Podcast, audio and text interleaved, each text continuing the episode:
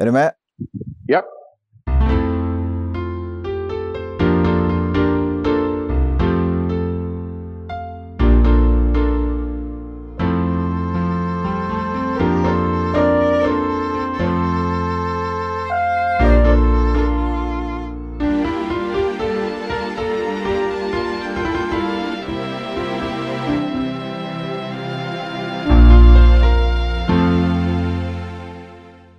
Välkommen till Utan skygglappar Björn. Ja, tack så mycket. Du har ju vad jag tycker är ett jädrigt intressant jobb. Eh, du jobbar ju som, som vad jag förstår det, som manager för, för Knutsson Trotting och du har dessutom egna hästar eh, och rör dig vid. Du ska ner till Hyllstofta nu och kolla på era ettåringar och sånt. Eh, är, det, är det trav 24-7 för dig? Eh, ja, det är det väl. Det är väl. Det jag äter allt som handlar om trav. du gör det? Eh, det är väldigt mycket, jag älskar travet och, och, och kollar allt trav. Eh, speciellt då Sverige och, och, speciellt USA då eftersom jag ja. bodde i många år i USA och det kanske vi kommer in lite senare på. Men eh, gillar amerikanska stammar och så jag äter väldigt mycket trav och jag gillar att, gillar att kolla på trav. Ja. Vad, hästarna som du ska besöka nu är ett år. Ja, eh, vad är det du kikar på dem i det här läget som är, alltså, det här blir en liten utbildning av mig som är novis. Ja, nej men eh, vi har ju dem här nere på eh, Hylltofta gård då. Eh, nere i Klippan i Skåne har vi våra födston och, ja. och ettåringar och, och för då som kommer bli. Och jag var nere i förra året och kollade på dem lite när de var nyfödda.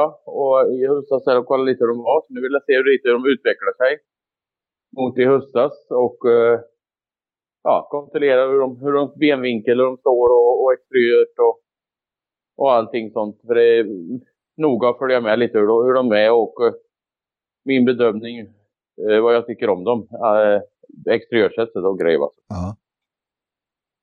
Är det, är det viktigt också det här med hur, hur de är i eh, hanteringsbiten och, och i, i detta ja, läget? Det, det, är, det är väl inte så jättenoga utan eh, det, det, är ju lite, de hanteras ju mycket, de binds ja. två gånger om dagen fodra och alltihopa. Så de hanteras ju mycket och grejer absolut. Så det, eh, man ser ju lite också på ögonen lite och, och så hur, hur det är. Men de är väldigt duktiga nere på att jobba mycket med hästarna. De har bara uppfödningen nere och, och Per som heter, Augustsson som äger stället, han har väldigt mycket bra personal och de är väldigt duktiga med, mm. med uppfödning och det har ju bevisat det. Han har inte så många egna, han har mycket inhyrda födston där så att ja, en Bloodstock är bland annat där och, och vi då och nu har ju Marco Krevi kommit dit också. Okay. och har sina födston där. Så det, han har mycket, mycket så, han är eh, väldigt duktig. Så. Ja. så hanteringen är, det är väl det, är väl det minsta bekymret om man säger så. Utan det är den exteriöra delen som du kollar på nu då? Ja, precis. Det är den som är, är viktig för mig att se hur de ser ut och exteriört hur de står och, och, och, grejer och hur de utvecklar sig kroppsligt mot, eh, mot eh, i höstas då. Om ja. de har växt mycket eller om de kommer växa mycket och grejer. Så, så det är det jag ska bedöma idag. Ja, häftigt. Ja, eh, nej, jag, jag älskar att kolla ettåringar. Efter, efter tävlandet så är det att kolla ettåringar är min favorit i, i livet om man säger så. Så, så att, eh, jag älskar att gå på auktioner och kolla ettåringar i strör. Jag kollar många hästar även om jag inte, eh, även om jag inte kanske köper dem så kollar jag många ändå. Så hur hamnade du här? Alltså, hur började du egentligen? Är du, är du född och uppväxt i en familj som har haft travhästar eller hästar överhuvudtaget? Eller hur, hur hamnade du in här? Nej, absolut ingenting. Men pappa var köttbonde i, i mina yngre dagar, men vi sålde gården när jag var fem år. Jag vart en avbytare, så det var inga hästar så, men vi, ja, det var ju nära djur och grejer. Ja, ja. Men, men när jag var tio år så tog de med mig till Axvalla. Okej. Okay. Och eh, eh, ja, jag tyckte det var jättekul och var fast och tjatade på pappa sen följande år att vi åkte, vi åkte mycket även följande året och vart mer och mer och pappa tyckte det var roligt att åka på trav. Så vi åkte väldigt mycket på trav. Ja. Eh, speciellt Axvalla då som var närheten då. Så var vi nästan där varenda tävlingsdag faktiskt och grejer. Så Okay. Det var jättekul att ja. spela lite och satte fem kronor där och där. Pappa gick och spelade åt och grejer. Så, så det, det var jättekul och grejer. Sen eh, jag gick i skolan. Det var, jag var lite skoltrött och hade haft lite jobbig skoltid. Och grejer. Vi hade flyttat lite grejer och så man hade inte några riktiga toppenvänner och var lite utfryst. Så så jag tycker det var jättekul att prova bakom. Så att eh, när jag gick i nian hade man två veckors praktik och då eh, fick jag prova att praktisera oss på Snäsund uppe på Edsvära där. Okej. Okay. På Saltalema. Ja. Och eh, det tyckte jag var jättekul. Och speciellt att sitta och köra en häst första gången. Då, som fick, du, norr... fick du köra häst redan under praktiken där? Ja, ja, ja. Jo, det, det, var... det var ingenting. Det var, det, var, det var ut och köra och grejer. var med och köra och, och alltihopa. Så det, Eh, det var väl inga, inga snabbjobb då, men det var ute i joggar och ute på ja. vägarna. Där. De körde ju långt ut på vägarna där bak och grejer körde. Så det var ju, det var ju enormt. Man var ju 16 år och tyckte det var ju var grymt kul. Då. Ja, det måste ju vara en enorm omställning. Liksom aldrig, aldrig har pysslat med det och så rätt in och så börja köra. Ja.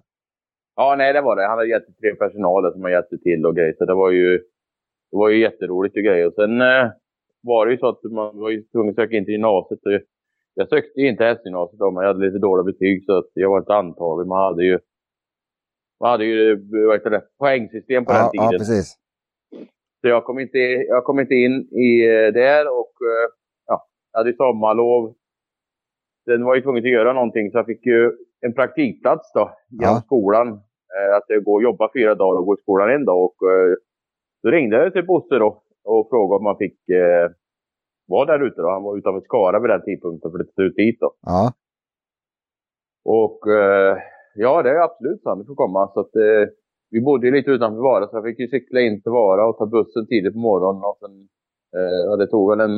Det beror lite på vilken busslinje, för det var en som kunde åka över Kvänum. Då tog det, tog det en timme och annars tror jag 45 minuter att åka. Så att, och sen fick jag tag i en cykel och pappa fick ordna en cykel. Så hade en cykel i Skara ta ut ett eh, näten. Det var väl ungefär 2-3 kilometer tror jag någonting. Cykla ut dit. Så jag fick komma ut dit och ja, det var väl hårda tag direkt. Ja. Jag fick ta hand om, börja ta hand om tio hästar. De här kan du ta hand om. Ta hand om. Stora tio hästar jag fick ta hand om grejer. Så, så det var ju bara att, att, att hugga i och lära sig. Jag har aldrig varit rädd att jobba och var ju villig att lära mig. Så jag tyckte det var ju grymt kul det här. Det är ju drömmen för en annan att, att få vara där och friheten med hästarna och, och grejer och alltihopa. Och I travstall så är ju det är mycket rutiner men samtidigt är ju ingen dag lik den andra om man säger så. Här. Så det var ju jättekul det här. Det höll jag på Jag gick där i, i, faktiskt i två år innan han anställde mig faktiskt. Ja. jobba sådär och uh, jobba i helger då själv mellanåt för att få lite extra pengar. Eh, och eh, då hade man ju 30 hästar att släppa ut och det var ju halmboxar på den tiden också. Det var mycket, inte många som hade spån heller så det var ju lite tungarbet, tungarbetat också. Så ja, ja, precis. Det tog, ju en hel förmiddag för att skotta boxar och grejer så att man fick ju verkligen lära sig jobba om man säger så. Va? så att, uh, sen efter två år så, så sa jag att nu, nu måste du anställa om jag ska vara kvar här annars får jag ju visa inte någon annan. Så då anställde man ju. Alltså. Ja. Och då snackar vi att jag började 92 hos honom då, så då är vi 94. Och eh, det gick ett år där och grejer. Jag tog ju körlicens under den tiden eh, också. Grejer. Jag fick en sån här e-licens som man hette på den tiden, lärlingslicens. Ja. Började köra lite lopp, det ville man göra då. Då tyckte man var kul och grejer. Jag hade ju kompis som körde lopp och grejer. Så. Men det slutade med att eh, han hade faktiskt en häst som skulle ta lärlingslopp på Örebro. Okej. Okay. Och eh, då satte han upp en annan lärling. Eh, det skulle inte ägaren tvingade till eller om man var ja. så det, Men då var jag lite sur så att eh, jag har faktiskt ställt upp på det och jobbat alltid i mitt liv och, och eh, du kan inte låta mig köra ett lärlingslopp. Då sa att nej, nu får vi gå någon annanstans. Så att, nog, nog får jag nog. Jag har ställt upp och få lite tillbaka i alla fall. Ja, precis. Så att eh, så jag sa upp mig då som slutade efter månads uppsägningstid och så jobbade jag lite extra hos några andra travtränare eh, runt Axvalla då. Men sen fick jag en öppning hos Sören Norberg så jag började jobba där efter, efter fem, sex veckor då. Ja. Ursäkta.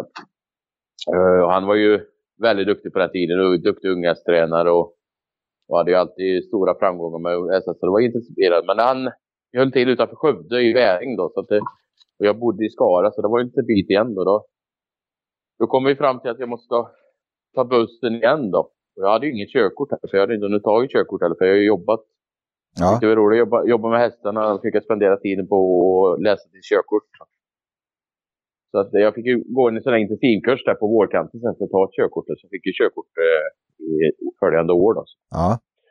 Men det var jättekul och grejer alltihopa. Och, men det, när jag började på travet så var, ju, var man ju alltid fängslad av eh, de amerikanska hästarna. Speciellt eh, när Maclobell kom över 98 och Napolitano och eh, Sugarcane Hanover i svepningen i, i vad heter, Olympiatravet. Olymp det är ju sådana ja. där grejer som har riktigt fastnat för amerikansk travsport.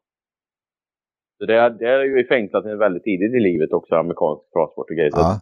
Så man var ju sugen på det. Sen hade jag en väldigt bra kompis som jobbade hos Bosse som jag kände, lärde känna, som heter Henrik Lundell.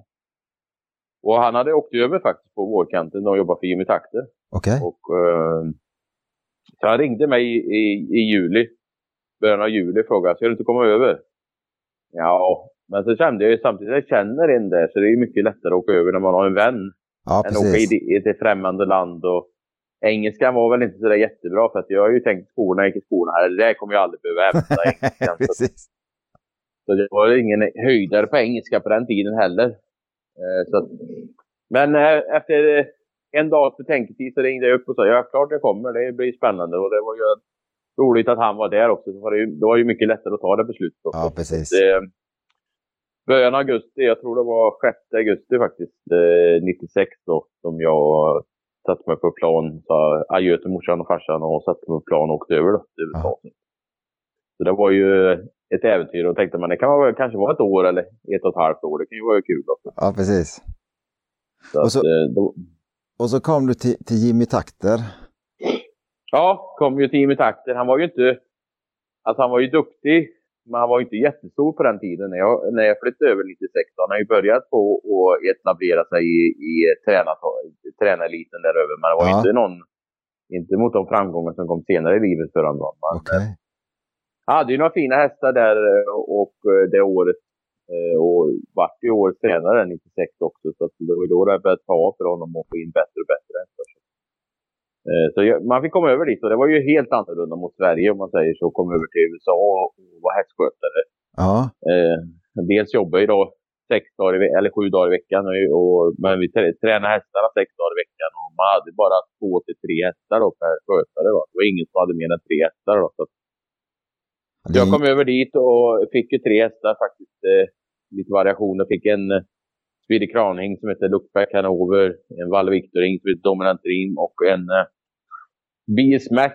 B.S. Mac var en helbror till uh, America Winner som heter Max Soli då. Han var min riktiga favorit. Okej. Okay. Eh, faktiskt. Eh, det var en li liten svart sak som ja, jag tyckte väldigt mycket om. Det var väldigt positiv eh, häst och alltihop. Så det var vä väldigt kul faktiskt. Eh, så det var kul att komma över dit och annorlunda och grejer. Men det slutade ju sen att min kompis Henrik, eh, han eh, åkte hem efter två månader för att han, det, det strulade till sig lite med någon tjej där och grejer. Så han åkte till Italien istället då. Okej. Okay. Så, jag, så jag var kvar där lite men eh, ja, Jimmy var ju i Florida på den vintern så vi, vi åkte ner, ja, man skulle åka ner till Florida under vintern och grejer. Så det var ju några som fick åka ner i, i början av, eller inte början, början av Florida-säsongen om man säger så. Men ja, det, är, det är oktober, november man brukar åka ner då. Så det, jag var en av de första som fick åka ner Eh, till Florida med några andra. För de hade köpt hästar i Lexington i oktober. Så de var ju på väg neråt för inkörning och, och grejer. Då. Så vi var några stycken som åkte ner dit. Och dels fick jag med mig den här eh, Max Åhli då. För att han hade några lopp som heter Matron där nere. Så han skulle starta i Pompana Park. Som var ett, ett rätt så stort stakelopp på den tiden. Då. Eller är fortfarande ett stort stakelopp. Ja. Och, eh, så vi åkte ner trucken. Det tar ju 24 timmar. Och och nästan åka ner dit. Och då fick man ju åka med hästarna i bak där också. Grejer, så att, och eh, så kom vi ner där och grejer. Och, eh, han gjorde några starter där, vann något, eh, något lopp där. Men sen visade det sig att han vann ju det här stora loppet sen. Eh, en bra styrning av Jimmy och grejer. Så det var ju, var ju jättekul. Eh, riktigt överraskande. Man fick vara med och vinna ett, storlopp. Och då var man ju ännu mer fast och sporrad för att kunna vara med och vinna sådana där lopp. Ja. Och det var ju jättekul för jag hade ju några killar i stallet. Det var en, en kille som heter Akelo, en, en finsk kille som skrev en sång om man. Så han skrev en, en sång som heter Max Oli Blues. Så det, är, det är rätt kul för jag har den i, idag också, där, sångtexterna, originalsångtexterna. Så jag hoppas att få göra en recording. Och det roliga är lite att han, Aki var ju runt lite över världen och grejer, men nu har han faktiskt börjat jobba för André Eklund då, så att han är ju, och där har vi ju hästar så det gör, ja, våran kontakt har knutits igen då, om man säger så. Okay. Så, jag får, så jag får be att han får spela in den där sången till mig, men han är ju duktig på gitarr då. Ja. Så, att, eh, så, att, så det var ju väldigt kul att komma ner till Florida och då hade vi ju på Sunshine Meadows var det och, och grejer. Så det var ju varmt och skönt och grejer. Så, att, så det var ju väldigt kul. Och. Eh, Jimmy hade ju bra år där, så han var ju årets tränare det året 96. Han vann ju Breeze vann Malabar Man och Amper Pro också. Så att eh, vi gick ju mycket hästar och det var ju bland annat det året eh, Moneymaker kom till Ingrid Takter och så fick jag in den här Medbranch Mackie med guldstangaren stammen Maclobell Piscon hade ju mycket öga på det. Hon vart ju ingenting sen till häst, men det var ju ändå stort när hon kom till stallet där och grejer. Alltid ja. och grejer. Så man såg när de körde in henne och grejer. Alltid. Så det var ju lite roligt faktiskt. Ja. Så att den här, vi, så höll vi på där på vintern och, eh, och alltihopa. Så det är ju det några månader sedan i, här i slutet av mars, början av april så började de åka upp till eh, New Jersey då som han var uppe där och eh, Uh, och några åkte upp lite senare i slutet av april, början av maj då. Tvååringar som kom upp senare. Men då skulle Max Åhle upp lite tidigt där och grejer. Så jag ville gärna åka med. Och uh, då fick jag ju... Ja, fick jag ju åka med upp på ett villkor om jag, om jag körde truck och trailer upp då. Det är ju okay. en stor... Ja, det vet Det var ju en sån här riktigt stor... Ja, i, Amerikan, I USA så var ju allt mycket större. När man kom från lilla Sverige så var ju allt mycket större. Så det var ju en rejäl rejäl truck då och sen ett eh, fyra hästars släp. Sådär långt fyra hästars släp. Ja. Det kallas för gosnäck då. Det är ju när den hänger över eh, flaket då. Så ja. Och ja, du får köra den upp då. Så, så de lastade den full av massa jäkla saker och fick in en liten bil också på hela alltihopa. Knökade in en liten bil där man iväg den. Så att det, det är en rätt så rolig historia där faktiskt. Och den historien för jag kan ju dra den att eh, Ja, vi fick köra upp den där och vi knackat in alla grejer. Så började köra och så efter det har varit tre, två, tre timmar någonting. Så fick jag punktering på, på den här eh, transporten då. Ja. Och hade ju reservdäck men då satt ju de här muttrarna stenhårt. Jag fick det det var ingen som stannade eller någonting. Alltså. Så till slut fick jag kämpa och många svordomar senare kanske så fick jag byta det däcket i alla fall. Ja. Eh, och, och rulla vidare. Och sen fick jag in, tänkte jag, lika bra byta det där däcket då, så att det, är ett helt däck då. Så jag fick byta det däcket och grejer, så rullade jag vidare. Men sen så var man ju ung och, och lite halvtrött. Jag hade inte kört bil så jättemycket, för jag hade bara tagit körkortet året innan. Då, ja, precis. Jag hade inte kört bil så jättemycket. Och jag vet inte om de, de inte visste det heller, då, att inte jag hade kört bil så mycket. Så det var ju rätt så stort att ge sig ut där. Ut, utan telefon, bara ett kreditkort. Då, för de hade, fanns ju inte mobiltelefoner på det sättet heller. Där på, de var ju väldigt lite efter med teknologin i USA på den tiden. Också. Ja. Så det slutade med att jag inte ens kom ut Florida innan jag var så trött. Jag var tvungen att ta in hotell och sova.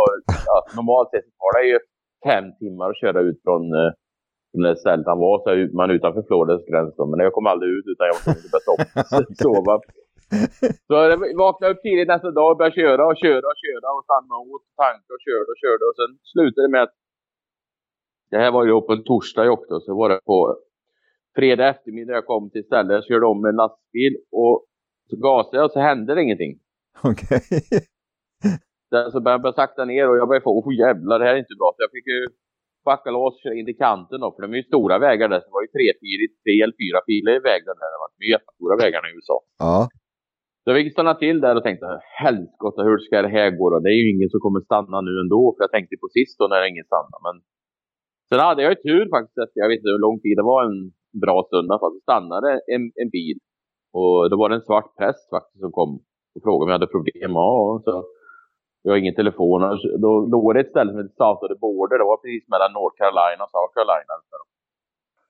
Uh, och uh, då körde man dit, fick jag ringa till uh, Conny Svensson var ju andetränare då hos Jimmy Takter också. Så jag fick ja. ringa honom och säga att det här är jag. Okej, okay. så fick vi hitta och han visste någon uh, bilmekaniker där så de fick ju komma hit och, och, och boxera bort bilen till den här med, det låg ett ställe i närheten också. Så inte, och visade vad kopplingen hade gått sönder. Så, okay. så vi kan ju ringa till Jimmy och säga det att ja, tyvärr har ju kopplingen... Så, ja, så, han var ju... Hur kör du och grejer och alltihopa. Så det var ju lite bruskt humör där då. Alltså. Och en annan var ju lite, lite sådär halv, halvrädd och Men fick ju bo, och det var ju på fredag eftermiddag då, även om de jobbade lördagar så, så fick de inte fram delarna och grejer. Så jag fick jobba några dagar där för att få den här fixad. Då. Men jag hade ju tur att det var det här stället då. Mexikanska stället South of the Border. Det är lite sådär halvstort ställe med lite olika grejer där. Så jag kunde bo där på hotell då. Till måndag och sen fortsätta upp och köra den där eh, upp eh, nästa dag. Körde och körde och körde och grejer. Så det var en bra bit kvar upp, upp dit. Så jag körde och körde så jag var, klockan var väl 12 på natten där, så då var jag så trött så jag var tvungen att santa och då var jag väl då var jag väl utanför Washington någonstans tror jag och grejer. Så, fick jag, så fick jag sova några timmar till så fick jag fortsätta nästa dag och köra. Då. Så jag var framme på tisdag. Så det hade de väldigt roligt åt. Det tog fem dagar för mig att åka från Florida upp till New Jersey. Då. Hur länge var du kvar hos Takte sen och, och vart tog du vägen sen? Jag var ju kvar hos eh, Jimmy i, i 12 år. Okej, okay, det var så länge. Så, precis. Då fick du vara med om otrolig framgångssaga hos han då? Ja, det, det var ju verkligen en otrolig framgångssaga för att jag fick uh, vara med där och, och, och ta hand om hästar. Och sen 2000 eh, så fick jag frågan om att bli andetränare. Okay. det var klart att, att uh, man som 24-åring uh, var ju, tyckte det var ju en jättegrej att vara 24 år och bli andetränare för Så, uh, så, det, så det, då vart jag handelstränare hos honom eh, 2000 då. Det var ju riktiga framgångar för att vara med och träna upp sådana topphästar och, och, och vara med överallt och grejer. Så det var ju det var en väldigt stor grej och väldigt lärorik grej att vara med om, om man säger så. Blir det, blir det väldigt mycket annorlunda arbetsuppgifter för dig då?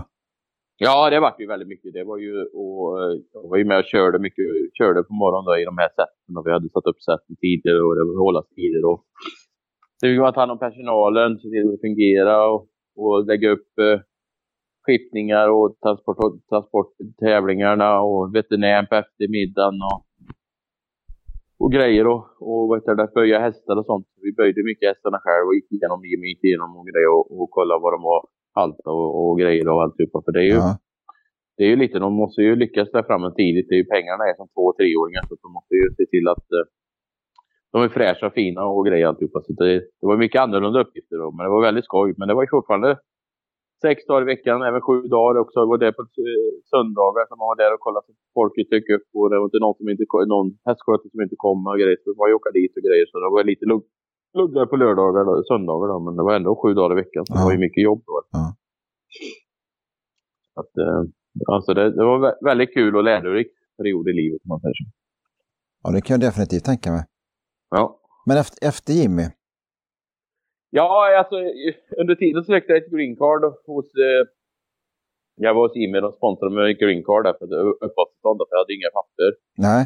Och eh, för att eh, det brukar vara lagligt som man kunde få eh, ja, papper och allting så sökte jag ett green card. Och det, det ansökte jag då 2000 och eh, året efter så var det ju den här 9-11 då. Så då, då satte de ju alla sådana här, såna här ansökningar på, på håll. Då, så det tog ju sju år innan, sju innan jag fick år. det. Ja, jag fick det 2000, 2007 fick jag mitt, eh, mitt eh, green card. Då, så att, ja. Och grejer. Och då, det är ju alltid vuxit. Man jobbar ju mer och slet mycket och grejer. Och, ja, jobbar ju väldigt mycket och grejer alltihopa. Så man var ju alltid intresserad att kanske prova det själv. Man har ju sett att uh, han hade ju stora framgångar och man har ju varit med och tränat fram topphästar och grejer. Så, och lärde sig mycket. Så man var ju alltid sugen på att och, och prova själv. Ja. Uh, så det var ju väldigt kul. Så att, uh, efter många om och men så, så på vårkanten 2008 så gick jag till Jimmy och sa att jag säger upp mig och det var han inte så glad över för att han ville ju ha kvar mig och grejer alltid på stallet. Så att, eh, han fick ju övertala mig att eh, det här eh, jag har verkligen tänkt noga och kommer du klara dig och ska du inte vara kvar i stallet och grejer. Men jag hade bestämt mig så att jag sa att eh, när aktionerna drar igång i höst så, så slutar jag så att jag ska dra igång själv. Då, så. Och eh, ja, jag fick in lite hästar och, och körde in lite hästar åt äh, svenska tränare. Köpte lite hästar för det tog ju en månad för dem att skippa till Sverige en månad, en månad och en halv. De ville gärna ha dem inkörda och det gjorde jag ju där och, och började köra dem lite lätt då. Så det gjorde jag för några. Fick in lite lite hästar åt uh, andra tränare och grejer. Typ. Och då flyttade jag till ett fall som heter Whitebridge Farm, då, som var en, ett stenkast ifrån uh, Jimmy. Då. Ja. Uh, en bra gård. Där jag kände en annan kille, som en, en Nya Zeeland, Nick Norman. Så att han hade en ägare där som behövde någon lite yngre tränare och tränade några passgångare då. Som eh, inte hade varit så framgångsrika. Så jag fick in en fem, sex stycken av dem. Så att, och det var ju lyckat för att en eh, Två av dem var riktigt fina. En var en riktigt, riktigt fin med som heter Shore Money som jag varit ett stort strejklopp direkt i början med. Och hade en annan som var rätt en duglig som heter Vertical Horizon som gick bra också. Och sen hade jag några andra som stod inne bra i klasserna och vann mycket lopp i början. Sen vann faktiskt 12 lopp på Medlands jag förstår. Så det gav ju, mycket eko det var en väldigt rolig historia och jag fick in lite andra från några andra tränare. Fick några från John Jonsson och lite sådana grejer. Så och där fick in en, en fin häst som heter Southwind Samurai. En konvoj hålsto som var väldigt fin. Hon eh, kvalade in till British Crown som tvååring. Var tvåa i försöket. Och eh, tyvärr så fick jag byta kusk i finalen. John Campbell skulle kört mig i finalen men han valde en annan. Och eh, tyvärr den kusken som jag körde eh, körde galopp i starten. Så det var ju ett, det var ju ett eh, misslyckande, ett eh, besvikelse om man säger så. Men hon var riktigt duktig faktiskt. Så hon var ju faktiskt tvåa i sitt försök. Han betonade också kvala in till finalen. Men vart påkörd i finalen i utgången sista sväng. Och tappade en, eh, en bra placering. Jag vet inte. Kanske till och med vunnit. Men vet man ju aldrig heller. Nej. kan man ju aldrig säga. Men hon hade fått en bra peng i alla fall i loppet. Han hade varit trea, fyra tror jag faktiskt. Det, är väl, eh, det var en jättestor besvikelse när man var så ung och färsk tränare. Att andra året man egentligen tränar var så nära att få en stor peng i en stor final. Men det var ändå stort att kunna kvala in i finalen där om man säger så. Ja, ja precis. Alltså det, det, är klart att det är ju det är två sidor av myntet. Ena, ena då att, att verkligen få in en häst i, i, eh, i ett sånt stort lopp. Uh, och sen då, som du säger, alltså vilket skyltfönster det hade blivit om det liksom blivit etta, tvåa, trea uh, direkt som ny tränare. Det... Ja, precis. precis. Så att, så att, nej, men det var ju skyltfönster. Jag hade inne rätt mycket hästar där och grejer. Och absolut. Och under, under tiden så lärde jag känna en eh, Anders Ström bland annat, eh, stallkurant där och grejer. Så vi började prata lite på Messinger var ju rätt så stor på den tiden, så det var ju mest det man började prata lite grejer. Då. Och han hade väl lärt höra mig och lite andra vänner vi hade, gemensamma vänner, och de frågade lite om mig och grejer. Så jag fick in slut, sluten häst av honom, till, från honom. Då. Det okay. var ju rätt så stort också. Ja. Så att eh, så började det. Och sen Eh, eh, ja, det rullar på lite. Men så gick det lite trögt följande året. Lite, så vi började snegla lite mot, mot Kanada. Eh, dels var det ju ett bra stakeprogram där uppe. Det var inte så dyrt och det var några som var lite sugna på att köpa kanadensiska hästar. Eh, det är ju många olika stakes och var hingsten står någonstans där. Så att, eh, och, eh, ja, så då började vi snegla lite på det, jag och min fru. Och tänkte att ja, vi, vi, vi provar, vi flyttar upp dit och vi flyttar hela verksamheten upp dit och grejer. Fick in lite hästar och det gick väl skapligt där uppe måste jag säga ändå faktiskt. Så grejer alltihopa. Så att så att, eh, när, när, du, ja, när var... du säger skapligt, okay, nu, nu är det en helt annan tidsära. Eh, för det här, det här är i mitten på 2000... Ja, det här är ju då... Eh, Eller 2010 kanske? Du, ja, 2011 ungefär var det när du säger hyfsat, liksom, hur, hur, mycket, hur mycket pengar körde du in i det läget? Kommer du ihåg det? Ja, alltså jag körde ju in, eh, jag körde in 200 000 dollar, men det är ju det är okej. Det är inga ja. jättesiffror alltså. Det är ju, det, det är, i svenska siffror kanske var okej. Då hade man ju en och en halv miljon, eller vad det kunde ha varit på den tiden. Men eh, amerikanska mått så var det lite sådär. Det var ju okej, men inga, inga jättesiffror. Va? Så att, så att, men det, det gick okej okay, faktiskt. Jag hade ja. rätt, hade, vi, hade, vi bodde i Guelph, en stad utanför Toronto, en timme från Toronto. Och uh, vi hade rätt så bra, i början gick det bra grejer. Så, att, så att det var ju det var kul och vi hade några framgångar med hästarna absolut. Och, ja. Bland annat så lyckades vi vinna ett, ett lopp själv också med en styrning. Jag körde ju lite lopp och grejer ja. lite där, men det var inte var någon stjärna i, i sulken. Men jag vann ett lopp faktiskt med en som heter Belnana, en infinitiv dotter där. Så att, uh, och då det var faktiskt Stalkurant som ägde den då. Så att, eh, Så det var lite kul. Jag vann faktiskt med tio längder. Eh, Okej. Okay. ja, jag brasade på. Det var på mindre bana. Varit, vi, hade, vi har varit veckan innan. Min kompis eh, Fredrik M. Persson var med där. Och veckan innan så hade jag åkt dit på, precis på mållinjen för att vara tvåa. Okay. Den här veckan, nästa vecka så lämnade jag ingenting åt slumpen. Utan då körde jag ordentligt. Så att, eh, eh kastade loss på bortre långsidan och svepte dem och vann med tio längder. Och, och grejer. Så att jag stannade inte av på takt eller någonting. Så, att, ja, det, var, det, var, det, var, det var kul faktiskt att vinna ett lopp. Och då, då har man gjort det i alla fall. Ja, precis. Eh, så, att, eh, så att det tyckte jag var kul att köra lite lopp också. Ibland så var det köra den egna lite och, och, och, och grejer och, och, och banorna där också lite. Det är lite annorlunda att köra där över ja. faktiskt. Så, det, så det, var, det var väldigt kul att göra faktiskt och, och grejer. Så. Men sen, eh, ja, man är ju tävlingsmänniska och man jobbar då faktiskt med de här topp, topp, topphästarna man hade haft och framgångarna som man haft under de här åren. Det, ja.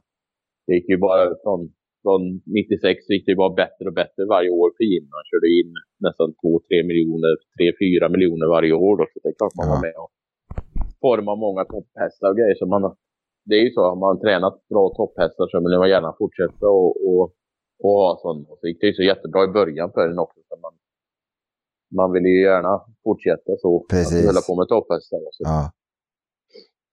så eh, under vårkanten, det var väl sommaren ungefär, så ringer ett telefonsamtal. Det ringer det från eh, Åke Svanstedt ringer faktiskt. Okej. Okay.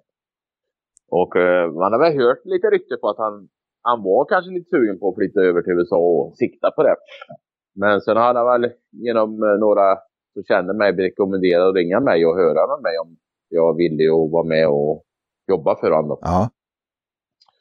Så jag sa det lät intressant. Jag måste ju diskutera med min fru och grejer. Jag är inte ensam om det här. Vi hade ju två barn och grejer också. Vi var ju tvungna till, det är ett stort, stort beslut. Precis. Efter många år med män så sa jag att, eh, att det här det här vill jag ha i lön i alla fall. För att man jobbar ju för sig själv och grejer. Så att jobba för någon igen, det är ju lite så skillnad också. Grejer. Så att, men det, det, det var de villiga och, och, och ha mig för att få, få, få vara med då. Och jag kände ju aldrig, jag hade så mycket kontakter och alltid och kände så mycket folk och grejer så att det var ju värdefullt. Så vi avverkade rörelsen där eh, 2013 och eh, jag återslöt mig till att åka i Lexington då. Där han köpte bland de första hästarna där och grejer. Och... Eh, på auktionen Lexington där då? Ja, ja. Men, men problemet med min fru var hade ju inga papper då, för jag hade amerika, äh, green card då. Men min fru hade inga papper så att de fick åka tillbaka till Finland med barnen. Att, och eh, för att om jag, hela grejen var att jag skulle bli amerikansk medborgare då, för då, kunde, då fick min fru green card automatiskt om jag var amerikansk medborgare. Då. Eftersom hon gifte med amerikanare då. Så vi började ansöka om det också då på, här, när vi bestämde oss det här under sommaren. Så men de var ju tvungna att åka hem med barn och grejer. Så vi mm. åkte ner till Lexington och köpte lite hästar och sen åkte vi till Florida då. Efter Lexington började köra in dem här då ju hans son Rickard Svanstedt var ju med över och, och, hans fru då. Så det var ju vi som började där nere och ja. körde in de här hästarna och. Och i, samtidigt i vevan där när vi, när vi bestämde att jag skulle börja jobba hos Åke så började de ju kolla lite med hästar och ta med sig över. Och bland annat så var, ringde ju Tristan Sjöberg då ägaren av Sebastian och Knutsson Proffs ringde ju ja. och hörde av sig lite med Sebastian vad jag trodde att han skulle duga till. Jag sa absolut, den ska ni absolut ta med. Så både Åke och Tristan. Och så. Så vi träffades faktiskt i Lexington där och hade en, en, en morgonfika där för lära känna, han ville lära känna mig lite och, och, och grejer för att jag skulle jobba för Åke och grejer. Och de satsade ju lite på Åke när den tiden. Skulle köpa in lite unghästar och Åke och grejer alltihopa. Så, ja. så det var ju jättetrevligt att lära känna honom. Och sen visade det sig att när vi åkte några, några veckor senare skulle vi åka till Harrisburg och köpa hästar och då kom det ut en vit passgångare som heter White Bliss som de, han gärna ville ha åt sin mamma. Då, så jag fick ju äran att bjuda in den hästen till honom. Okej. Okay. Så, att, eh, så det var ju väldigt kul. Så att, eh, det, var, det var första mötet jag mötte Tristan. Då, så det, -huh. var ju en, det var också en tillfällighet eh, i livet som det blir att man ja, stöter på rätt personer och, och, och får rätt kontakter. Och, Visst är det, det häftigt? Ja, det är häftigt. Och sen, jag vet nu, jag kanske är likeable på folk tycker väl om London också. Så, så, så, de håller kontakten med mig om man säger ja. så. Så att det, det, var ju väldigt kul att, att börja då så åka och igen. Börja med bra hästar och det var ju, det ju jättebra första året med Sebastians framgångar och vann i ja. Draughten med Centurion ATM bland annat på världsrekord också grejer. Så. Den rekommendationen att plocka med Sebastian, den gick ju hem. Ja, det gick ju verkligen hem. Så det, det var ju världsrekord. Ja. Det, det, var ju en otrolig kväll där. Eh, eh, den kvällen när han sprang världsrekord där och alltihop. Han var ju, kände sig dunderfin och Åker körde iväg och man trodde att han körde lite för sakta andra halvan då. Men den, den, den sista 800 meterna han gjorde loppet själv, det är inte många som, som har gjort i världen. Mm. den speeden han har där. Så det, det, var, det var en otrolig kväll. En sån här travkväll som man aldrig kommer glömma. Man har ju varit med om många, många stora grejer. Alltså, jag har varit med och Hjeltren och Timmy och själv och grejer. Man har ju haft otroliga framgångar. Det finns mycket, mycket, många framgångar som man, man inte kommer att glömma. Och var tur att få vara med om man säger så faktiskt. Jag menar Sebastian K var ju jädrigt bra redan här om man säger. Så att, eh... Ja, nej, han var ju det... tidigt ute och vann ju kungapokalen för Ludde och var en väldigt bra häst. Man såg ju att han hade en otrolig explosivitet. Ja. Det var ju lite sådana... Och Åke körde bara runt och kvalade på, på 56. I USA så kör de ju lite kvallopp, men Åke åkte ju bara med och sen... Så han var ju inte favorit när han startade första gången. Utan Nej. Åke drog ju av alla fyra skorna och de började kolla på Åke. Så drog av alla fyra skorna. Så gick han ut och joggade 50 och 3 och vad det är väl, vad är det, 9 någonting. Neråt 09, 09 ja. något sånt där. Va? Så de vart ju kockade amerikanerna. Va? Så. Så att, eh, nej, det var otroligt. Synd att han inte fick ett, jag fick ju bara en säsong på sig ja. egentligen för att han gick ju sönder säsongen efter. Det var ju otroligt synd för att han var ännu bättre eh, följande år. Han hade haft ännu bättre vinter än vinter så han hade varit, eh, jag tror han hade haft ännu större framgångar året efter faktiskt. Ja, ja det är synd. Det är riktigt synd faktiskt. Mm. Så att, eh, men och där träffade du Tristan?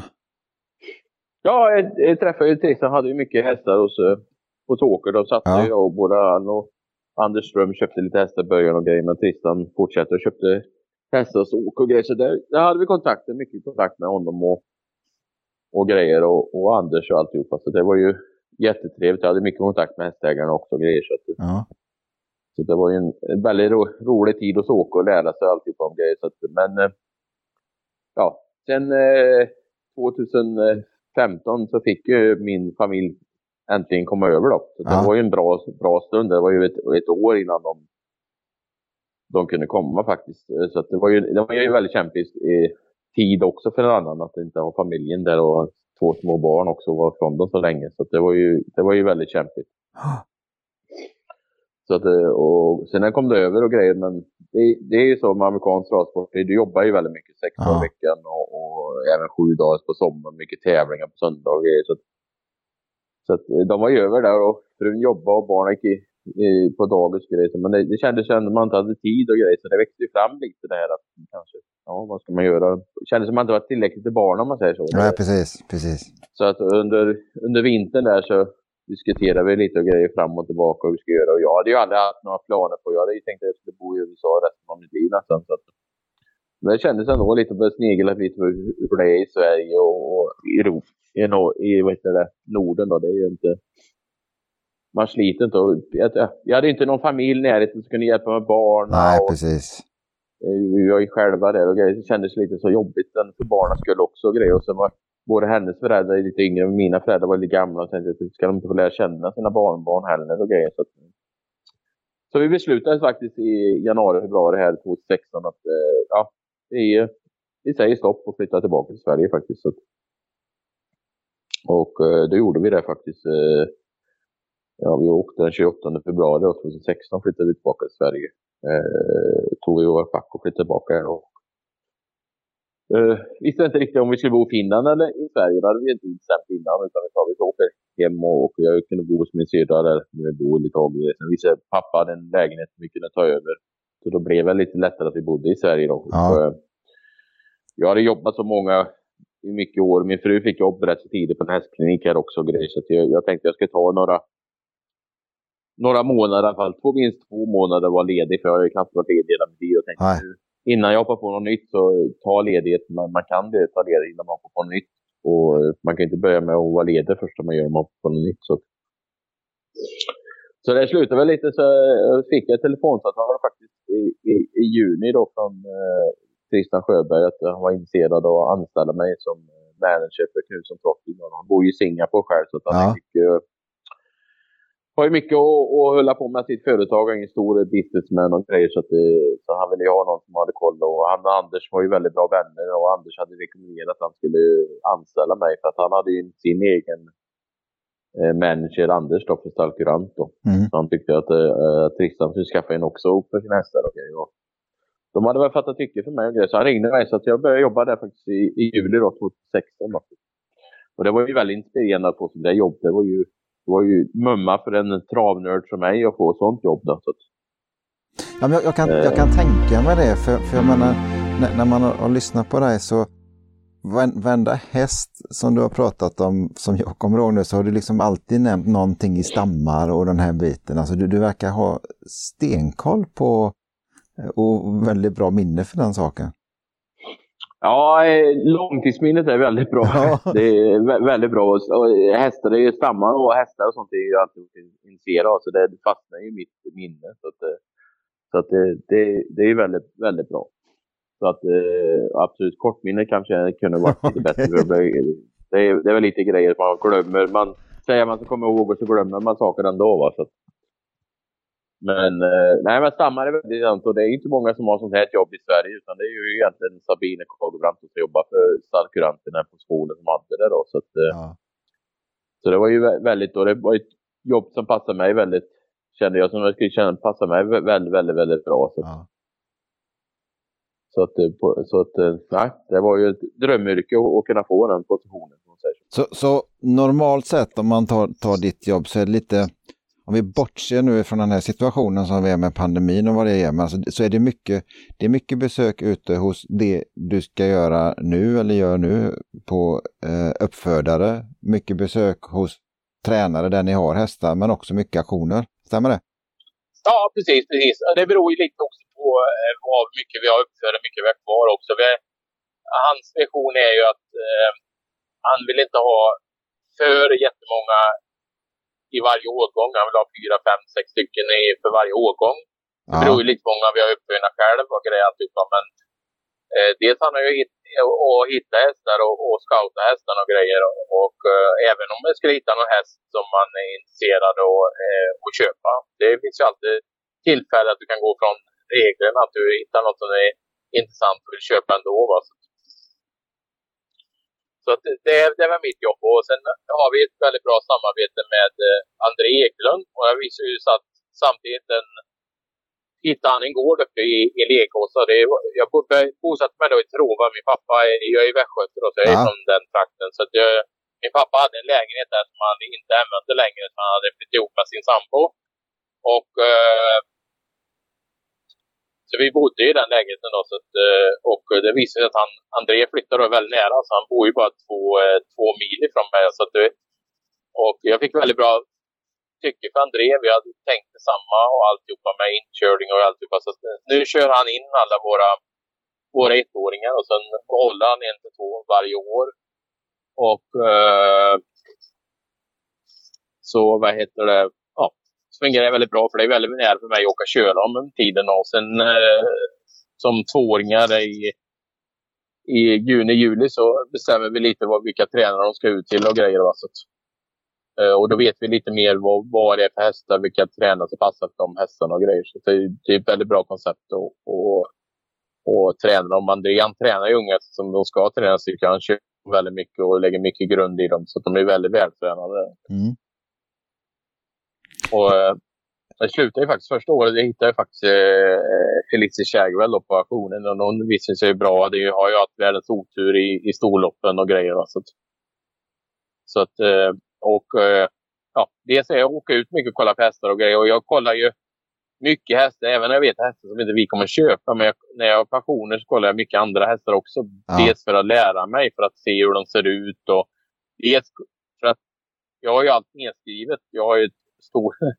Jag skriver ner allting, antingen i böckerna eller min iPad. Och, ja. och, så går jag gärna tillbaka och kollar på vad jag tyckte om den. Vad hade för betyg på den? Vad, vad var det som så vad jag inte tyckte om på den? Okej, okay, den, den tyckte jag inte om det, men den klarade att springa så. Så det är väldigt, väldigt lärorikt och, och, och gå tillbaka och lära sig vad man har gjort. För det är väldigt viktigt att kolla på mycket hästar och grejer alltihopa. Grejer. Ja, men det kan jag tänka mig att man måste, man måste vara ajour hela tiden för jag menar, som nu för tiden är det ju då även att vi, vi har en generationsväxling som är nästan bara två, tre, fyra år. Liksom, du, du tar ut hingstarna tas ut mycket tidigare i avel. Eh, även här nu och även under karriären som de har. Eh, så att det, det händer ju mycket.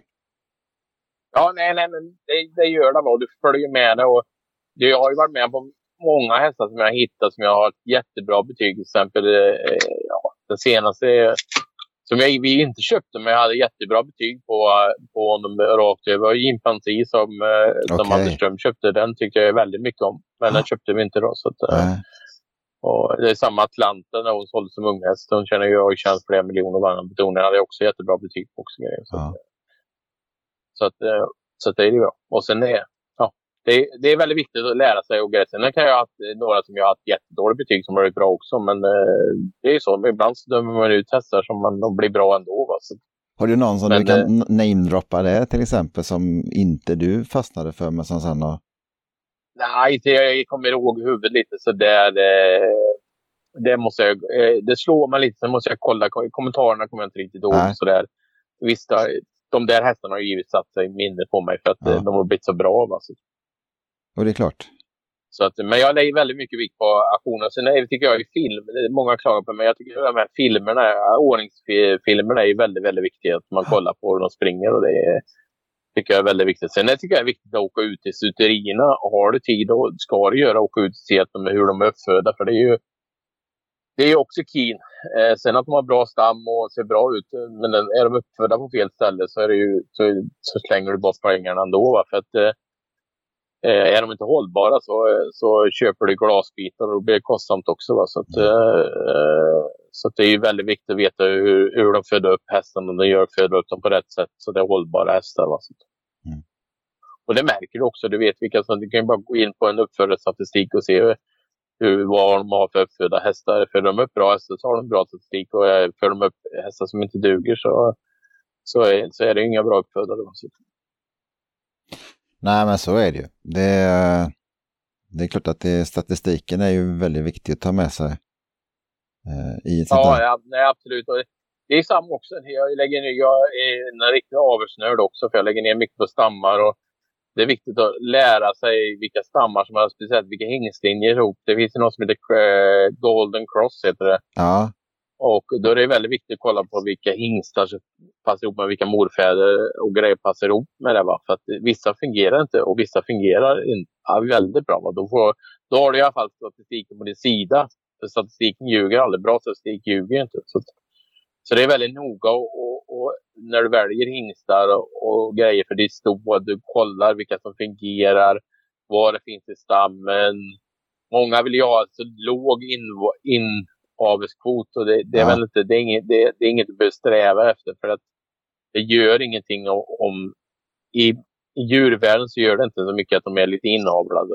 Eh, speciellt travhästarna gör det absolut ingenting och du ser ju på de som är bästa, de har ju alltid lite mellan eh, 10 och 15 procent inavelskvot så det, det, gör ingenting. Va? Så, så att eh, det, det, är också en, du måste läsa statistik, vilka som passar ihop och grejer. Det, det är väldigt viktigt och mycket för om du håller på med avel och sådana grejer, att det, det fungerar. Alltså.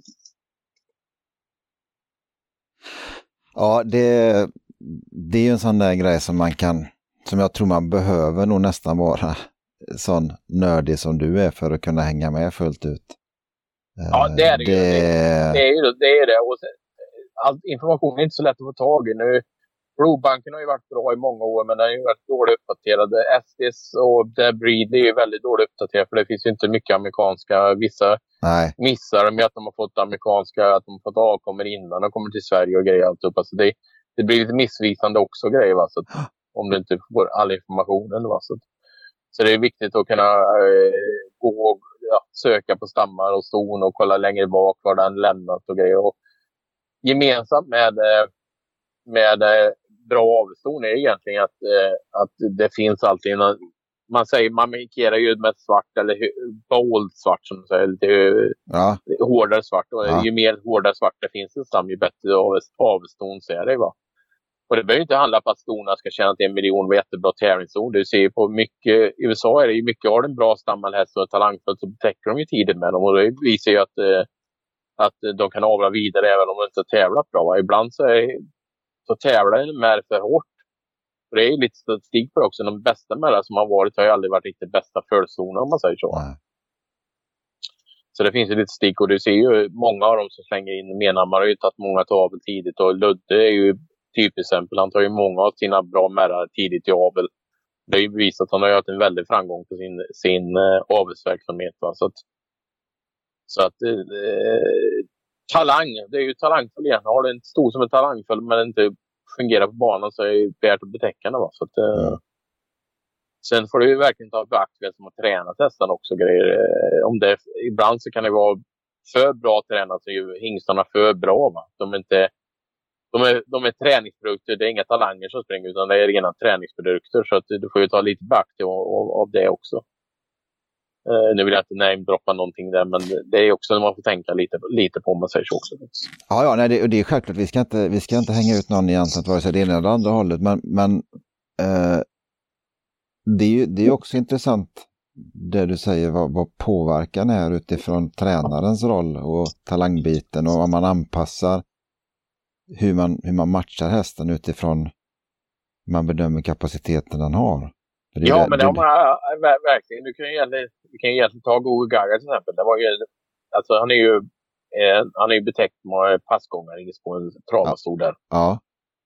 Och egentligen är det ju, alltså går du och kollar på hans, eh, hans pappa var ju ingen speciell passgångare. Moderstammen är väl rätt okej okay, faktiskt. Det är ju inte någon stjärnstor stam, men det är helt okej. Okay. Men det var ju en otrolig travare alltså. Ja. Han, hade, han har ett av de kanske längsta stegen jag sett på. Han fick en så otrolig och det får du ju lite för passgångarna är ju lite annorlunda formade. De har ju lite mer bringa och lite mer grejer. Så, att, så han fick otrolig framsteg. Han var ju otrolig talang för att tränaren kan man säga att han, han var en riktig amatör om man säger så. Ja. Han hade inte några jättestora framgångar. Han har ju tävlat nere i en liten stat som heter Maryland och grejer. Okej okay, framgångar. Alltså han är duktig så men det var ingen stor tränare på något sätt. Nej. Så det var en otrolig talang. Han var väldigt tidfull och grejer och allt. Det var en otroligt snabb häst. Var han.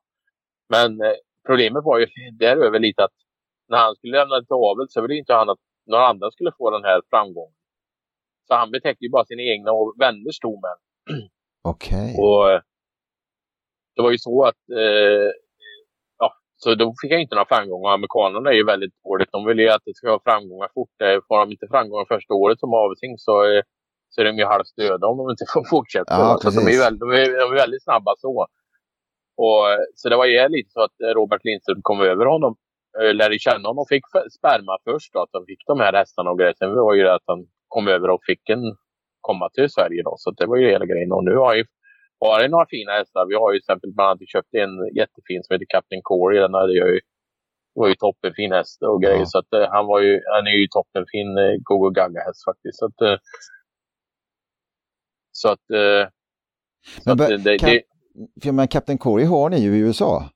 Ja, han är hos Åke Svanstedt. Han är i tre år nu då. Ska ju, förhoppningsvis, han började väldigt bra där. Så vart han lite sjuk efter finalen av eh, Pennsylvania Sidestech där. Så att han var lite sämre i de sista starterna i British Crown faktiskt. Ja. Uh, men uh, gjorde inte jättemånga starter. Men Åke är ju väldigt, väldigt nöjd med Så att vi har ju väldigt stora förhoppningar på honom i år. Att han kan vara med och kunna vinna betonen i år faktiskt. Ja. Ja, men jag, jag tänker på, kan det göra att, att, att Gogo Gaga får liksom, han, hans rykte liksom förbättrats i med den biten? Ja, ja jo, det är förbättrat. Så nu är han... sen, sen, sen, har de ju sett hans framgångar och hört hans framgångar i Sverige med ja. Hail Mary och Power och allihopa här. Va? Så, så det är klart att eh, klart att de ångrar sig lite att eh, han aldrig fick chansen över. Han fick inte chans på en jätteston heller där över. Däröver syndikerar de hingstarna, att du säljer ut andelar i hingsten. Så oftast köper jag alla uppfödare en del i hingsten och betäcker. Och då, då betäcker du bra ston eftersom det är en investering ja, du köper. Då. Och, eh, så att du får ju chansen att verkligen betäcka bra ston. För det handlar ju verkligen om vilken kvalitet av ston du får. Är, du kan ju få hundra ston men får du inte någon kvalitetsston så kommer dina chanser minska otroligt. Alltså. Ja. Så att det skulle bli väldigt intressant att se. Green Show fick en väldigt bra första bok och Sixpack har ju fått en väldigt bra första bok här också. Så det är väldigt intressant att se vad de lämnar i avel. Ja. Så att, eh, och eh, Sixpack är väl en, en av de hästarna sett med det största djupet. Otroligt djup. Han hade väl en... Åkerberg snackade att han hade vissa hästar, det är riktiga V12, Sebastian Jid. okay. eh, eh, vad heter det? Ja, eh, Torvald. Torvald, Soginsson. Det var ja. någon som hade riktigt V12. Men han sa att eh, Sixpack hade väl V16 någonstans. okay. så att, eh, det var en otrolig häst och en väldigt snabb häst. Han sprang världsrekord flera gånger eh, så ja. väldigt snabb. Så eh, det var en otroligt bra häst. Så det blir väldigt intressant att följa honom i avel faktiskt.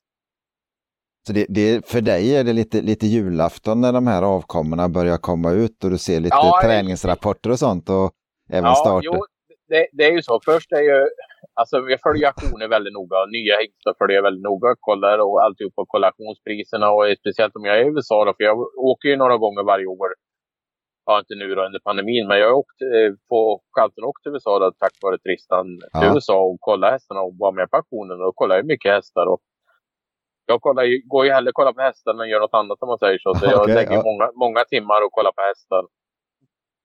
Och så att det, man följer med dem och lyssnar lite med vänner man har där över och rapporterna går och så grejer. Så, sen börjar de ju kvala här i i början av ju, juni här, tvååring över. Och det är, det är rena julafton på ja. lördagarna när man ser ut de här komma ut och grejer och ser hur de går och grejer. Och man följer med dem och grejer. Så, att, så man följer ju väldigt, följer ju väldigt, väldigt, mycket på, på eh, USA ju. Och även här i Sverige följer jag väldigt. Jag kollar ju travar nästan varje kväll. Min fru tycker jag kanske är lite för jobbig med det. Jag gillar att kolla på unga hästar. Jag, alltså, ett, ett vanligt äldre lopp, eh, högst 125 000, det, det är inte så jätteintressant. Men är det ett treårslopp eller fyraårslopp i Sverige. Då eh, tycker jag det är jätteintressant. Jag tycker nästan onsdagar är de här treårsloppen på Sovalla eller Jägersro eller Åby eller, eller i Bergsåker som det har varit lite eller. De tycker jag är roligaste loppen. Jag tycker inte de här V86-loppen är inte så jättebegeistrade. Men jag tycker det är mer roligt att se de här yngre hästarna.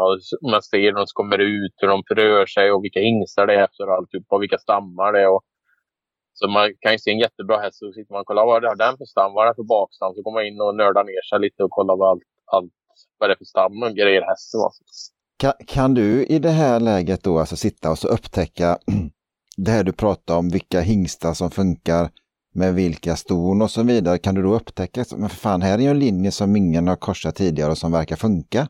Ja, nej, men det, det, är klart man ju sitter och gör det. det ja. Jag följer, följer uppdateringar med i alla fall en gång i månaden på att kolla på vilka hingslinjer och grejer. Och I USA har de en jättebra sida på, uh, på USA där som, heter, så man kan gå in och crosses, uh, golden cross och gå in och kolla vilka linjer som passar ihop på statistiken ja. och grejer. Så det, det finns jättemånga folk som ringer till mig. Vad, vad, vad tror du om den hingsten? Passar den ihop med det och grejer? Så att, och eh, jag brukar ge mitt ärliga svar. Då, för att jag är snäll och hjälpsam. Så man ger gärna, gärna svar och folk vad, man tycker. Då, så.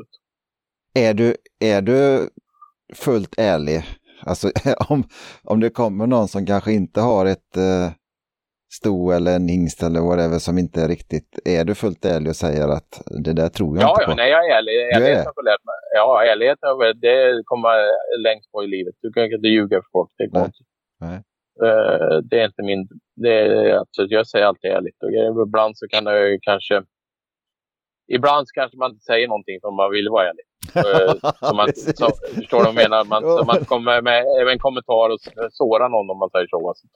Nej, man behöver inte vara brutal alltså i det. Eller, Nej, där, men, men, det, ibland så är det bättre att inte säga någonting och, inte, och, och, och, istället för att vara superärlig och säga att det, det kommer inte fungera, det är kast. Så, så, eh, så alla, alla, har ju, alla har ju sin tro på sin grej. Alla, alla ska ju få göra sin sak vad man tror på. Så att, eh, det, är det, det är det viktigaste att folk får, folk får tro på sin sak. Eh, sen om de frågar om ett, eh, ett, en, en grej så kan jag svara ärligt. Och det är ju inte så att jag går på auktioner och frågar efter vad, vad tycker du om den här? Och så funderar två gånger. Så, ja, eh, ibland säger jag okej, okay, säger jag bara. Utan, ja. utan att, för jag vill inte vara ja, otrevlig att säga att det, här, det är jättedåligt. Så, för jag, förstår, jag vet att de har ju lagt ner hur många timmar helst på det här hästen och vara uppfödare är inte en, en lätt sak. Du, du betäcker, du väljer ut hingsten, du väntar och förhoppningar, du betalar för betäcket. Ja, ja. ja, du, du, alla, du vet vad allt kostar så då vill man inte sänka någon bara för det utan då Nej. säger man okej. Okay, så det är ju, det är ju inget, det är inte, eh, jag ljuger ju inte men jag, jag säger bara okej. Okay. Ibland så kan man skulle säga att om frågan mig man är riktigt första vill ha ett svar så kan jag säga ärligt att jag inte tycker om hästen eller att det är en jättefin häst eller vad som helst. Nej, man, man, kan, man kan ju också i det läget vinkla det att, att enligt min bild att hästar jag ja, söker så passar den inte in i den biten. Jag säger oftast, jo det gör jag oftast, ja. att säga att så här, så här tycker jag, men jag kanske jag är inte rätt. Jag är, inget, jag är inte någon geni på det här. Det är inte, det är min, det här är ju min bild och, och grejer och, och, och absolut, jag är hästar som jag, som jag har dömt ut som har blivit bra grejer. Så jag är, inget, jag, är inget, jävla, jag är inte någon världsstjärna på det här. Men sen har jag ett väldigt intresse och grejer att lära mig. Och det har jag haft hela livet. Jag är ju väldigt intresserad av att lyssna och, och med travtränare och, och lyssna vid idéer och, och alltihop. Och lära nya idéer. Det är ju det, det tycker jag är jättekul om man får lära. Den dagen man är fullärd då, då, då kan man ju lika väl gå och begrava sig. För då, då, då lär man sig inget mer. Man lär sig Nej. varje dag. Det, det, ja. det kommer, man kommer lära sig till 90 år kan man lära sig en ny grej. Alltså. Så det är, väldigt viktigt att ha öppen mind för allting. Sen får du ta det du tror på. Det är samma sak med allt travträneriet. Jag har jobbat för två av världens bästa travtränare. Det är klart att du har eh, det bästa vi har lärt mig om det. Så kan ju lära sig här. Det är åka runt i Sverige och fråga mycket hos travtränare. Varför gör du så? Varför gör du så? Och så grejer. Så man lär sig grejer. Ja. Det är väldigt nyfiken och roligt att vara med och lära sig. Och det är väldigt, har du tid att åka runt till travtränare och sätta och hos Robert Berg och fråga varför han är så duktig. Åk till Jörgen Westholm och fråga varför han kör takraka. Varför han har fem olika banor att träna på. Eh, åker sånt till båt och fråga hur han tränar sina unghästar och grejer. Alltihopa. Du, du lär dig så mycket av andra ja. om du vill. Det, va? Men sen får du ändå ta din uppfattning. Det är ju samma med unghästar. Man lär sig mycket. Men du, måste, du kan inte bara tro att det ska komma till dig. Du måste försöka lära dig. Ja, men det tror jag du säger någonting jädrigt viktigt. Att det, det tar tid och man måste själv vara engagerad i saker och ting för att det, det, det finns ingenting plötsligt händer det. Nej, det, det, är bara trist. Ja, det... nej, nej, men, det, det, gör det inte. Du måste vara mottaglig, du måste lära och vilja, vilja lära dig. Det, det är hela grejen. Så att, eh, det, det är så med travträneriet också. Jag ligger på att träna med egna hästar själv också. Det är med banda framgång. Och jag är kanske den sämsta vinnarskallen som finns. Eh, jag blir, jag blir så besviken på, eh, på när det går dåligt. Jag var tävlade igår kväll. Han stod på en galopp från start. Det var ungefär som att Eh, det var det värsta jag var med. Jag var så arg på hemresan. Så att, eh, jag blir så besviken när det inte fungerar. Va? Så att, eh, jag hatar det. Jag kan ju sitta hemma på tvn och sitta och skrika på hästarna och ska gå bra och alltihopa. Tur, tur att man bor på landet så någon, någon hör. För då, då, har de, då har de ringt polisen flera gånger om om man säger så. Så. Att, eh, nej, men det, travet är en passion. Det är, det är något jag älskar. Så det är väldigt kul. Och jag tycker det är, det är en väldig gemenskap. Travsporten. Du lär ju känna väldigt mycket människor. Och ja. Det var ju lite som en reporter frågade när jag flyttade till USA. Vad, vad tar du med dig från den här tiden? Jag sa det måste vara nog alla människor jag har träffat och lärt känna. Alla kontakter. Jag har ju så otroligt med kontakter. Så att, eh, alla, all, många vet ju vad, vem jag är. Jag känner inte alla, men alla vet ungefär vem jag är. De, jag kallas för Bernie i USA då. Det, ja. det var ju ett eh, smeknamn som, jag heter Björn, så det var lite svårt att säga. Så var det någon som började säga Bernie då, så hängde det med. Och, så många visste inte att jag hette Björn, de trodde jag hette Bernie. Då, okay. ja, var det översatt. Ja. Vi, så att, eh, vi, vi, ska ta lite en del tankar som man har själv. Men du jobbar ju du jobbar ju för en hästägare som satsar ganska mycket. Eh, du var inne lite på det här med du, du köpte en, en vit passgångare eh, till Tristans mamma. Mm. När du åker på en auktion, eh, har du liksom eh, no limit eller har du liksom, hur mycket tid har ni lagt innan och kika hur mycket Tristan med? Åker ni alltid gemensamt eller åker du själv eller hur, hur funkar det i den världen? Nej, alltså i USA kommer gärna Tristan, han har ju väldigt aktiv eh, eh business life så att, men han brukar ja. ta sig lite tid när auktioner och lite tävlingar åka till Han är väldigt travig, han är ja. med i alla tävlingar och Eftersom han bor i Singapore passar det väldigt bra då, för det är ju det är 12 timmars skillnad med USA. Så kvällarna det är ju på morgonen från då, så det är perfekt innan han börjar jobba, sitter han och kollar ja. på trav från USA. Så, att, så han är väldigt aktiv med hästarna och, och, och alltihopa. Så han är väldigt intresserad av grejer. Så att vi har ju vi har ju lagt upp en plan nu. Nästa säger ofta att man åker runt och man går på pension och man kan hinna kolla dem innan. Eh, I Sverige så visar de ju samma dag. Då är, det är oftast bra att åka runt till lite olika stuterier och och kolla på den här stammen intressant. Den kan kolla vi på. Och, eller om en video vi hittar på så kollar vi på dem innan och så ger vi upp. Hans filosofi är lite att eh, vi sätter ju en budget på en häst. Ja. Vad vi tycker den är värd och så håller vi oss till den. Sen kan det ju bli så att du kommer lite fel i slaget. Exempel du satt 100 000 och jag är på 95 och den går för 100 och då, då kan man ju säga att man, man ger ett slag till som vi brukar säga med något. Ja. Om, man, om det känns rätt, att man ger 105 och så kanske de bjuder 110, men då har man försökt en gång för man ja, kom lite fel i budgivningen. Ibland så kommer man lite fel i budgivningen. Ja, precis. Så vi, vi, hans mått är ju att, eh, att eh, ja, hästarna ska inte kosta för mycket. Det ska ändå kunna vara en, en förtjänstmöjlighet på hästen om man säger så. Ja, så att, eh, det ska ändå vara, det är ändå rätt kostsamt eh, med hästar och träning och alltihopa innan de tjänar, innan de köper pengar. Exempel i Sverige så kan du ju räkna på att en köper en häst på en auktion och innan de startar, som startar sent i Sverige som treåringar så har den en kostnad på 200-250 000. Så egentligen borde det stå minus 200 000 i, i programmet innan de startar istället för 0 kronor. För de har ju kostat så mycket innan de kommer start. Så, det, så det, det, det, handlar ju lite om, om, eh, om att säga value for the money, man säger så. så, ja. så sen är det ju inte så att eh, märker att det inte fungerar så får man ju, får man ge upp och, och, och eh, ja, cut the cost som det heter. Man, ja, man tar bort kostnader direkt. Och ibland så är det förlustaffärer och ibland är det vinstaffärer. Så, men vi har ju alltid en budget på hästarna. Så här, vi, vi, vi ska köpa två hästar. Vi har det här arrangement. Och vi har den budgeten. Och det här är våran top pick. Det här är de B-hästarna och C-hästarna. Så försöker man ju, ibland så kommer det ju lite olika nummer och grejer. Men man får ju ha en, en plan när man går in i en auktionsring. Ja. Sen är det ju, det är också ett, ett system att bjuda på hästar. Det är inte, inte bara bjuda utan man måste vara medveten när man ska gå in i matchen och börja bjuda och så man inte börjar bjuda för tidigt och driver upp priset. För man vill ju köpa, du vill ju, hittar du den som du gillar då vill du ju betala helst noll kronor för den. Men det kommer du inte göra. Men du vill betala så lite som möjligt från din maxpris. Ja. Så att du vill inte gå in för tidigt i matchen och börja höja priset i onödan utan gå in, försöka gå in i rätt läge. Det är ju en, det är en konst det också. Och, och, och, och, och så USA och Sverige skiljer sig väldigt mycket. I USA har de ju sådana som drar in buden. Eh, sådana här försäljare. Och, och ja. då vill du ju bara få kontakt lite med en. Så det räcker ju att du bara sitter och gör en liten nickning och sådär att du bjuder och grejer. Men du måste, de får ju kontakt med en.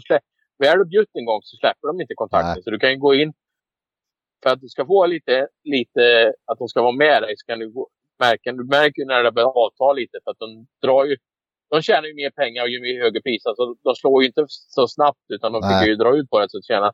Så du känner ju av när du ska gå in. Som i Sverige är det lite annorlunda för där står det med, det får du ju nästan visa lite mer att du bjuder på. Så att, så att du, du, du vill gärna inte visa för mycket eller du vill inte visa din motståndare att jag bjuder på den här hästen. För att då kanske Jaha, bjuder han på den hästen? Du vill inte visa heller. Nej. Sen kan det finnas en taktik också att du märker att den häst som, ja, den här kommer bli dyr. Att du kanske du, du känner att du får vara lite bestämd i din, din budgivning. Att de har en 10 och sen 15, då bjuder du 15 direkt. Så att du, de känner av att han är bestämd. Han, han vill ha den här hästen. Han är snabb och då kanske de ger upp också. Det är lite, lite taktik så där också. Så. Ja, det, det här är häftigt att höra just den här, alltså spelet som är för att kunna matcha in det rätt. Uh, ska man, som du säger, ska man vänta till slutet och komma när, när de andra nästan har tuppfäktat sig färdigt och, och gå in då? Uh, ni sitter ju med ett namn, liksom om ni går in med det namnet och, och, och budar, liksom börjar folk fasen, vad, vad har de sett med den hästen som inte jag har sett? Är den så bra? Ja, jo, nej, men det är ju så. Det, det är ju så. Det, det är det som gör lite det här eh, känslan i förra året när vi hade det här online -video. Det blir ju inte samma sak. Men samtidigt kan du gömma, gömma det lite mer med dina bids då. Men det blir inte samma sak. Du tappar ju känslan fullständigt tycker jag. Sen, är ja. sen har ju många gjort det jättebra. Menhammars var ju jättebra. De hade ju bra videos och bra bilder och alltihopa. Så det var ju, det var jättebra gjort på tanke på läget vi har. Men det finns ju ingenting som går upp mot en liveaktion. Det är ju samma om du åker på en en vanlig jäkla bondauktion. Det var ju mycket när jag var liten. Var pappa gillade att åka på sådana här bondauktioner. Det var ju alltid med på sådana grejer. Och jag har ju varit på några sådana här, såna här auktioner, samlingsaktioner och säljer maskiner och sådana grejer. Bara för lite skojs skull och grejer. Man gillar att gå lite där. Det är en känsla att gå på en auktion. Ja, det är det. Ja, vad häftigt. Så, mm. det... så att, eh, nej, så det, det, är jättebra. Vi har jättebra eh, eh, eh jag, jag har jättebra arbete och jättebra chef och vi håller kontakten mycket. Vi pratar eh, dagligen och vi går igenom hästarna och grejer. Han har väldigt mycket koll på listan och grejer. Så det, det är ett, ett toppenjobb. Jag är väldigt förundrad att få, få ett sånt jobb faktiskt. Så mm. det är väldigt, väldigt, väldigt glad. Så det, det, samtidigt är det jättekul när man får jobba med, jobba med någon som har väldigt stort intresse. Det har inte varit lika roligt att gå på någon fabrik som man, med ett jobb som man inte riktigt har det intresset till och känna att man är tvingad att jobba istället. Nej men det, det, det, det förstår jag just den här biten, alltså när du har det här äh, nördar in i stamtal och alltihopa och så dessutom få jobba med det och, och få ta den biten. Men om vi, om vi ska runda av lite Björn, mm. nu, nu är du och tittar på era egna ettåringar, liksom ska bedöma dem. Hur, hur mycket har du, för nu, nu kommer ju snart, vi går mot våren, då kommer ju elitaktionerna igång och sen kommer ju, kommer ju de att rulla här under året. Hur mycket kontakt har du nu med, med stuterierna och koll på Uh, Nej, men jag, jag, kommer ju se nu när katalogerna kommer ut. Sen har jag ju lite koll på uh, vissa uppfödare. Man går in och kollar på vad, vad var det för ettåringar och grejer. Ja. Tyvärr är det lite den så att det är ju ingen nationskultur i Sverige utan det är ju många som säljs långt innan. Så de, ja. ibland så dyker inte de bästa hästarna upp på auktionen. Mot USA, där kan du ju alltid köpa de bästa hästarna. Det är, kan ju hända att de behåller något stor framtid av det. Det förstår man ju lite också. Att de behåller storlinje och grejer. Ja, ja oftast kommer ju alltid de, de bästa hästarna till, eh, till eh, auktioner. Det gör det inte i Sverige. Så du får ju ha lite koll på om det är något som är jätteintressant. Kanske var lite tidigare. Men jag tycker det är så svårt att köpa hästar på, som åringar. Alltså som årsför. Det tycker ja. jag, de hinner ändra så väldigt mycket. Och det är samma egentligen. Eh, om du börjar kolla hästar för tidigt här på vårkanten. Nu är det ju våra egna. Men samtidigt så har du lite koll på dem. Men du måste kolla lite på hösten. För de hinner ändra sig så fruktansvärt mycket när de säljs på auktioner. Så ja personligen tycker jag elitauktionen är alldeles för tidig. Den, det, du, får, du får ruscha hästarna, de ska vara bra grejer. Det blir inte det där tyvärr. Så att det, blir lite fel. Va? Så att, uh, så att det bästa egentligen är auktioner om de är runt uh, derbyhelgen eller senare tycker jag. Då har hästarna fått sin sommarbete. De har hunnit jobba med dem lite grejer. Och det är väldigt viktigt. Du ser ju väldigt vilka som jobbar med sina hästar, får med ordning, för ja. de fina, lugna, hantera och grejer. Vissa kan komma ut med hästar som är helt vilda grejer. Och typ, då, då är de inte riktigt hanterbara. Då förlorar du mycket tid på det också. Ja. Grejer. Och det, då, ja, men, ja, alltså, det är en investering. Du för upp en häst och det är en investering. Är du inte intresserad nog att se till att din investering är, är tillräckligt bra för att någon ska köpa den, då, då, då har du missat många andra detaljer i din ja. grej också. Så att, Precis. Då är det ju inte någon bra uppfödare heller. Va? Det, är ju, det är ungefär som att du skulle köpa en ny bil och du skulle misshandla och inte ta hand om bilen och ska sälja den sen. Det är ungefär samma sak. Jo, men det, där har du ju rätt i att det är klart att om, om du förbereder, om man nu får säga det, alltså hästen eller produkten för försäljning. Eh, om du ska göra den biten så om du, om du arbetar med hästen innan så att den är förberedd så är det klart då har du mycket större chans att få bättre betalt också. Ja, precis. Du går ju inte in i en bilaffär. Du har aldrig gått in i en bilaffär och bilen ser ut som den har massa skit på sidan. Ja, det är ostädat. Det har väl hänt. Varför ska du visa upp din, din häst på samma sak? Det är ju ja. samma sak. Att du visar upp en häst som, som ser skina snyggare än din fru eller en bil. ungefär, alltså. Du, Björn, jag tackar jättemycket. Jag tycker ja. det, blir en, det blir en väldigt bra avslutning på eh, just med det här intressanta jobbet som du har. Skitkul mm. att prata lite avel och, ja. och statistiker och sådana här bitar i och, och, hur du tänker som, som jobbar för en, en stor hästägare. Mm. Ja, det var jättekul. Du som märker så gillar jag att prata så att det är någon som vill prata får gärna höra av sig. ja, precis. Ja, men det är bra. Tack så mycket och ha det så ja. gott och lycka till nu. Ja, tack så mycket. Hej. Hej.